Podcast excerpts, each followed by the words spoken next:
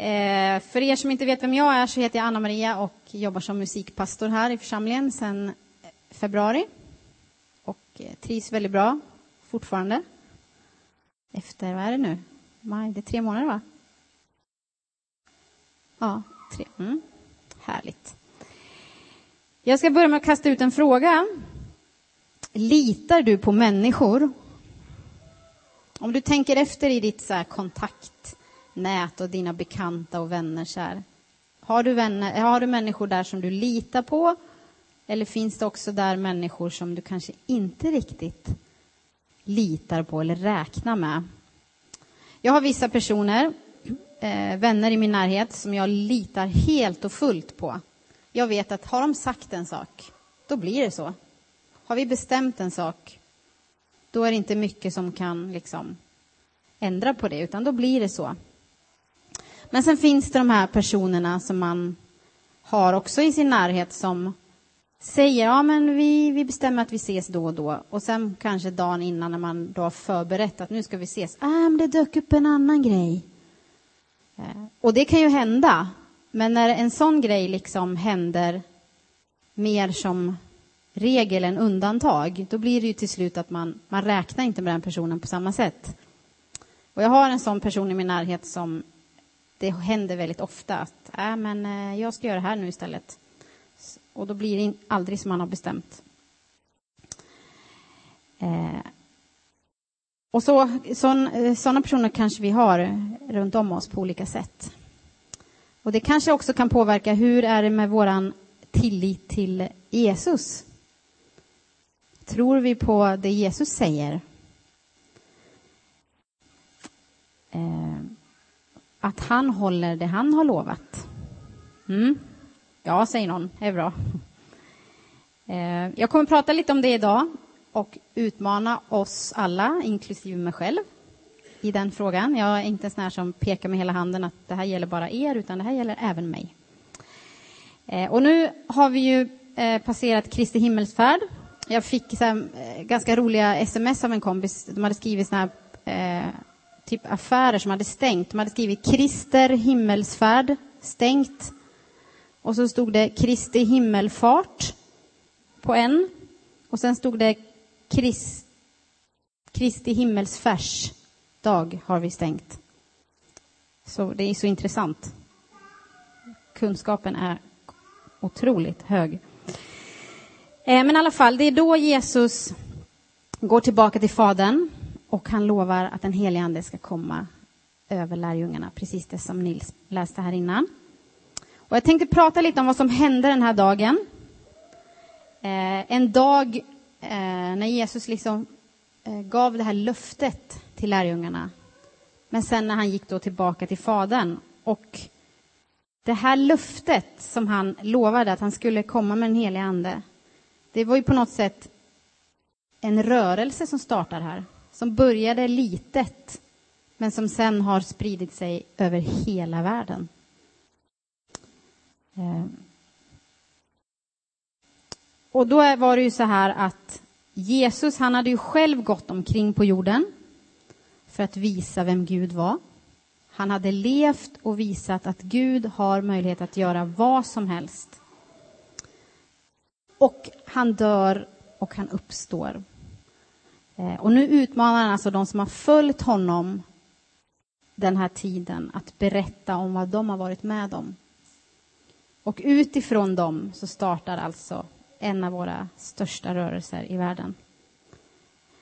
Och det här sammanhanget, då är det så här att Jesus, innan eh, han då eh, far upp till himmelen igen, så har han då, står det då att han har visat sig ett antal gånger för lärjungarna efter sin uppståndelse.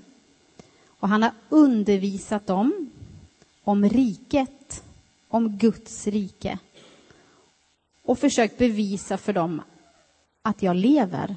Jag lever verkligen.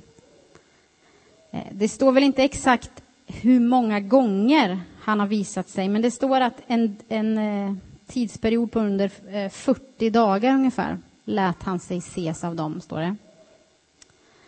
Eh, och när jag kommer till den här eh, själva versen jag tänkte läsa så är det då så att han visar sig nu då än en gång för dem. Och jag läser ifrån levande Bibelns översättning. Så står det så här ifrån Apostlagärningarna 1, från vers 6. Står det så här, när han en annan gång visade sig för dem frågade de honom, Herre, ska du nu befria Israel och låta oss bli en självständig nation igen? Den tidpunkten bestämmer Fadern, svarade han, och det är inget som ni får veta. Men när den helige Ande kommer till er ska ni få kraft att vittna om min död och uppståndelse för människor i Jerusalem, i Judeen, i Samarien och över hela jorden. Strax efteråt lyftes han upp i skyn och medan de stod och stirrade efter honom försvann han i ett moln. De försökte att få se ännu en skymt av honom men då stod plötsligt två vitklädda män bland dem och sa Ni män från Galileen, varför står ni här och tittar mot skyn? Jesus har återvänt till himlen, men en dag ska han komma tillbaka hit på samma sätt som han for upp. Kan ni se bilden framför er? Jesus har pratat jättemycket om Guds rike. Han har pratat om vad han har gjort många gånger. Och nu ska han alltså fara till himlen.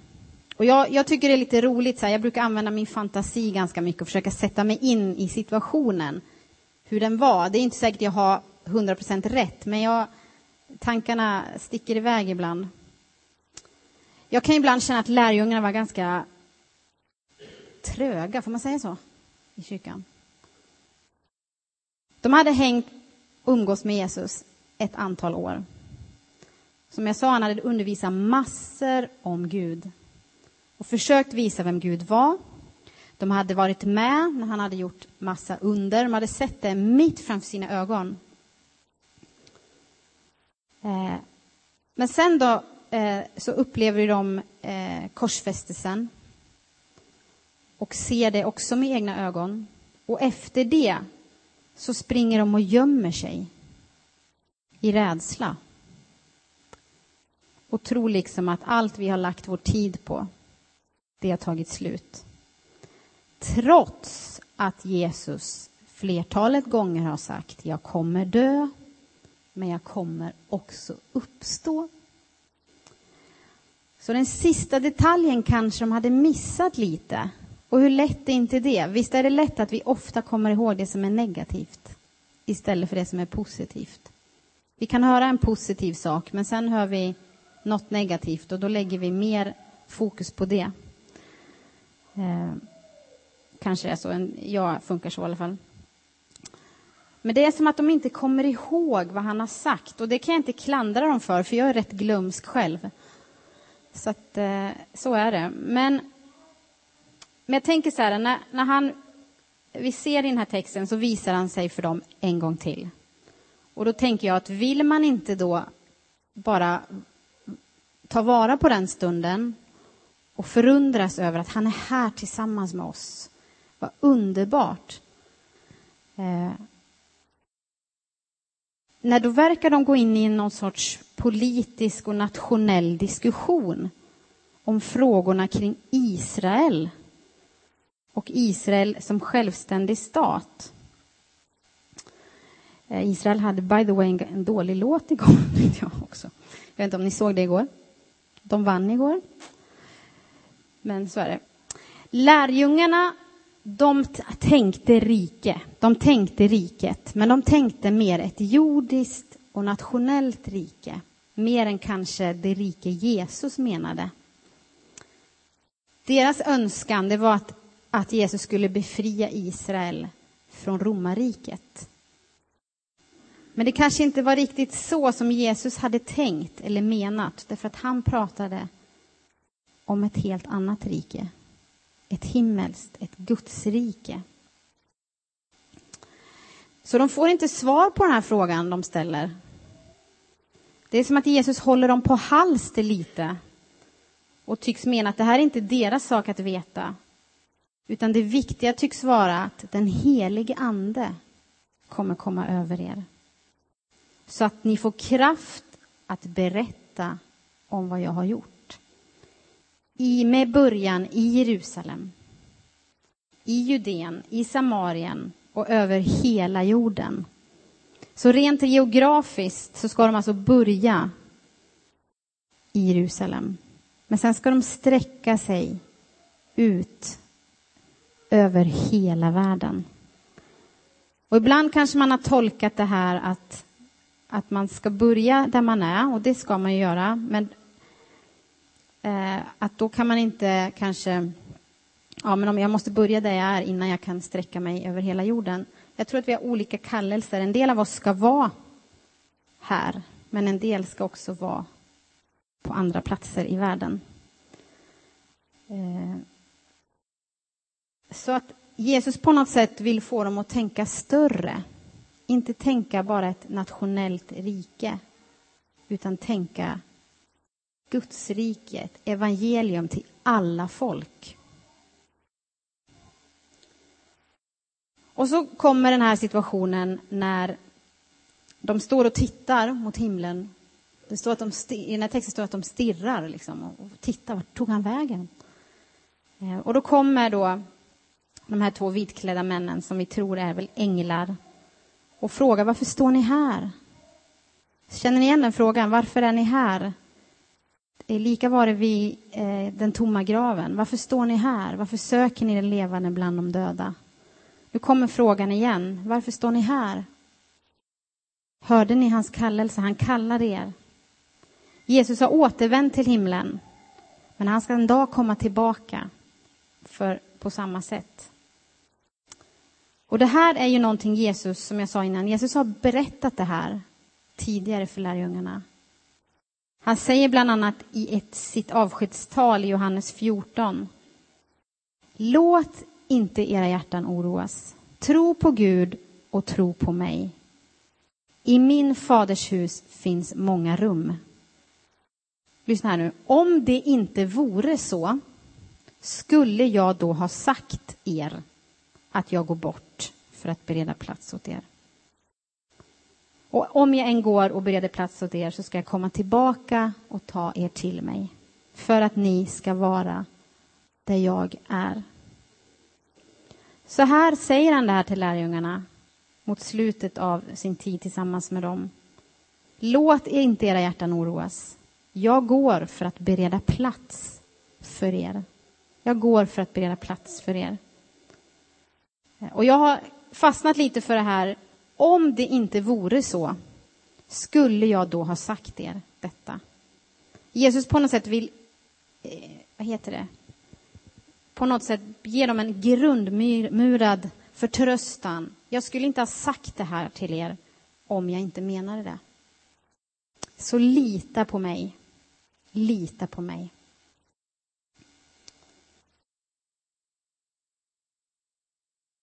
Och det är frågan, kommer lärjungarna ihåg det här talet när de står där och tittar upp mot skyn? Vågar de förtrösta på att han menar det han säger? Kan de liksom känna igen att ja, men det här har han nog sagt till oss? Kanske gör de det, kanske inte. Men den här texten i Apostlagärningarna, eh, när Jesus far till himlen, den säger några saker som jag skulle vilja sammanfatta. Och det är att Jesus lovar. Han lovar att den helige Ande ska komma över lärjungarna. Så att de i sin tur kan gå ut och berätta om vem han är. Den säger också att trots att lärjungarna kanske inte hade förstått allt Jesus hade sagt och vad han hade gjort så ger Jesus ändå löftet om kraft. Och det säger oss något om hur stor Gud är. De fick ett löfte att de fick ett stort, stort uppdrag att nå ut till hela världen. Trots att de kanske inte hade hela bilden klar. det säger oss att Gud väljer att välja, Eh, han väljer att använda oss människor i våran brustenhet.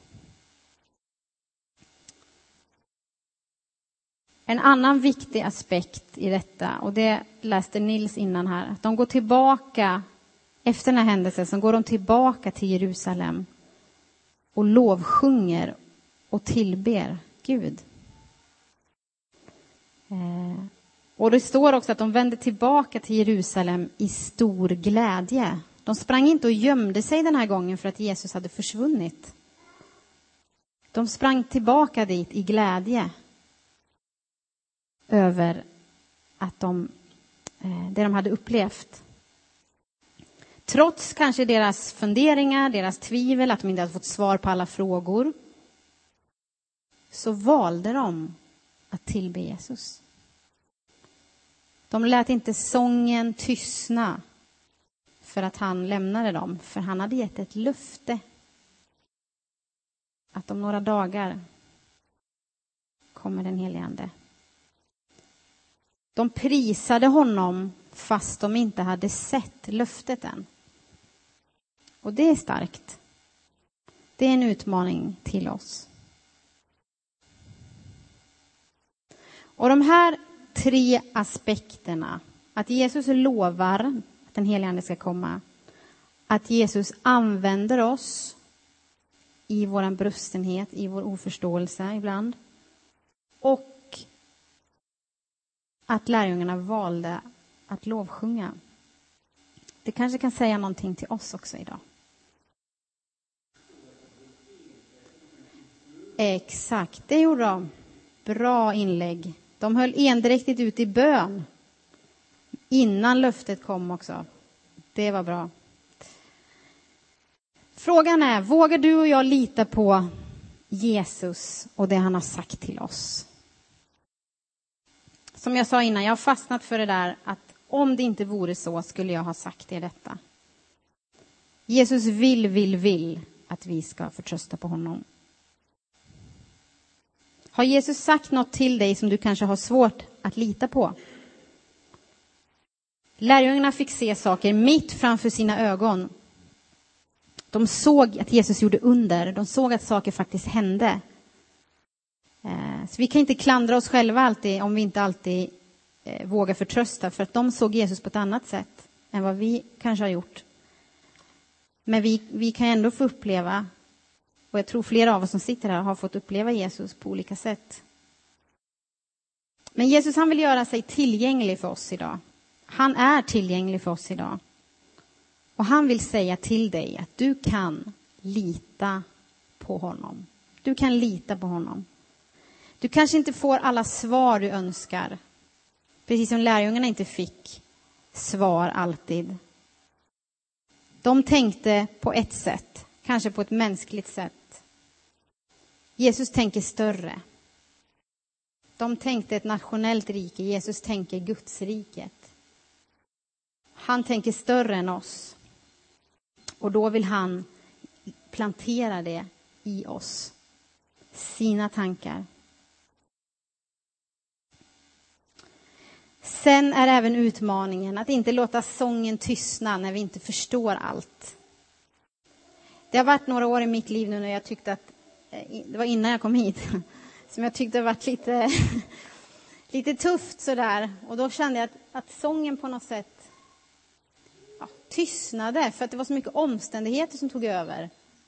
Och det var inte lika lätt att bara sätta sig och, och lovsjunga, fast jag ville. Men ibland så tog det bara slut. Eh, men att inte låta sången tystna för att inte livet ser ut som man önskar. För det handlar så mycket mer om vem Gud är. Eh, och det finns faktiskt, jag delade det här på, på bönen för några vecka sedan, att det finns ett hebreiskt ord i Gamla Testamentet som talar om det här att våga, att sjunga, att lovprisa Gud i en tid när vi inte ser löftet. Och det är ett hebreiskt ord som heter toda. får ni lite hebreiska idag. Ett hebreiskt ord som heter toda som står för en livsstil i tro som tar sig uttryck i lovprisning. Vi prisar Gud för hans löften som vi väntar på, men ännu inte sett uppfyllda. Nu sitter vi här, vi har facit i hand när det gäller eh, att anden har kommit, till exempel. Eh, men det kan ju vara andra saker i våra liv som vi önskar ska hända, som vi inte ser. Och att i de situationerna ändå lovprisa Gud. Utmanande, men viktigt. Eh, vi ska snart eh, gå in i en stund av förbön. Och jag vill eh, utmana oss alla att ta vara på den stunden. Du kanske sitter här idag som känner att jag skulle behöva mer av Guds förtröstan i mitt liv på något sätt. Att våga lita på att Jesus faktiskt håller det han lovar. Då kan du få förbön för det idag. En annan förbönsgrej kan vara att Gud ska påminna dig om sitt ord. Vi har Guds ord här. Vi behöver påminna oss om vad han har sagt. Men det kanske är någonting också som han har sagt till dig på något annat sätt. Eh, som gör att du behöver förstå mer vem han är. Han kanske, kan, eh, han kanske vill ge dig ett ord ifrån Bibeln idag som kan påminna dig om vem han är. Be att du ska få ett sånt ord idag. Och be, en bön kan också vara att du ska få se det du längtar efter. Du ska få se att Jesus eh, gör saker i ditt liv, det som han har sagt. Mm. Så jag tänker att vi ska ta en förbönstund nu när vi, vi kommer lovsjunga tillsammans och be. Och be att vi får den här, bli så här grundmurade, grundmurad förtröstan på att Jesus är den han är. Att Jesus håller det han har lovat.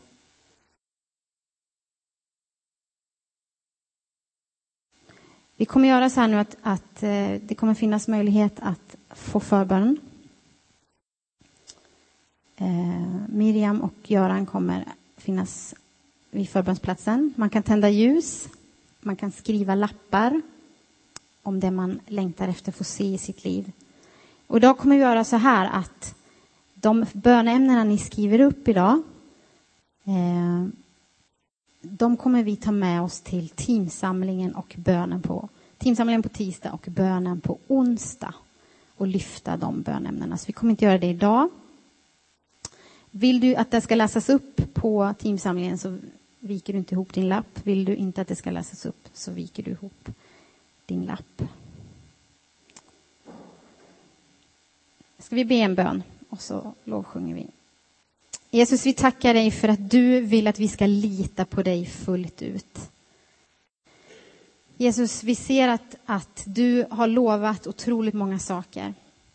Du lovade den helige Ande och lärjungarna fick vara med om det. Och vi har också fått vara med om det, hur vi har sett ditt löfte bli verklighet.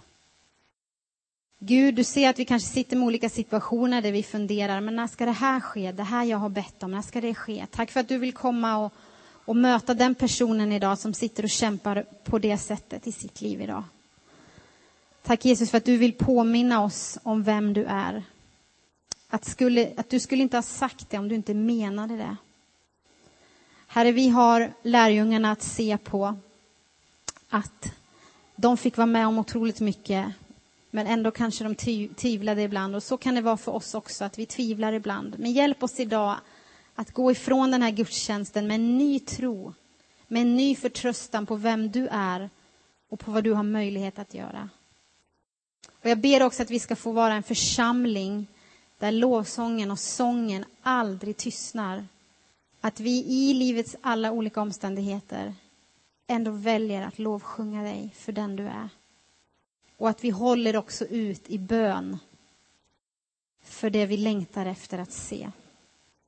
Låt oss få vara en församling som, som tillber och som ber och som söker dig för den här tiden vi lever i.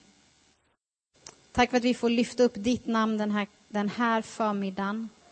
Tackar dig för den du är, för att du gick tillbaka till Fadern, men att du sände den helige Ande till oss, att vi kan ha relation med dig varje dag. Jesus, vi tackar dig för det. Vi tackar dig för det och vi vill vara som lärjungarna som lyfte upp ditt namn, som tillbad dig, som prisar dig i glädje. Herre, nu ber vi för den här förbönstunden, att det ska få bli en stund där vi, vi får ta, ta emot det du eh, vill göra i våra liv. Om det finns längtan efter en ny förnyad tro, om det finns en längtan efter att få se någonting i sitt liv som inte har skett än.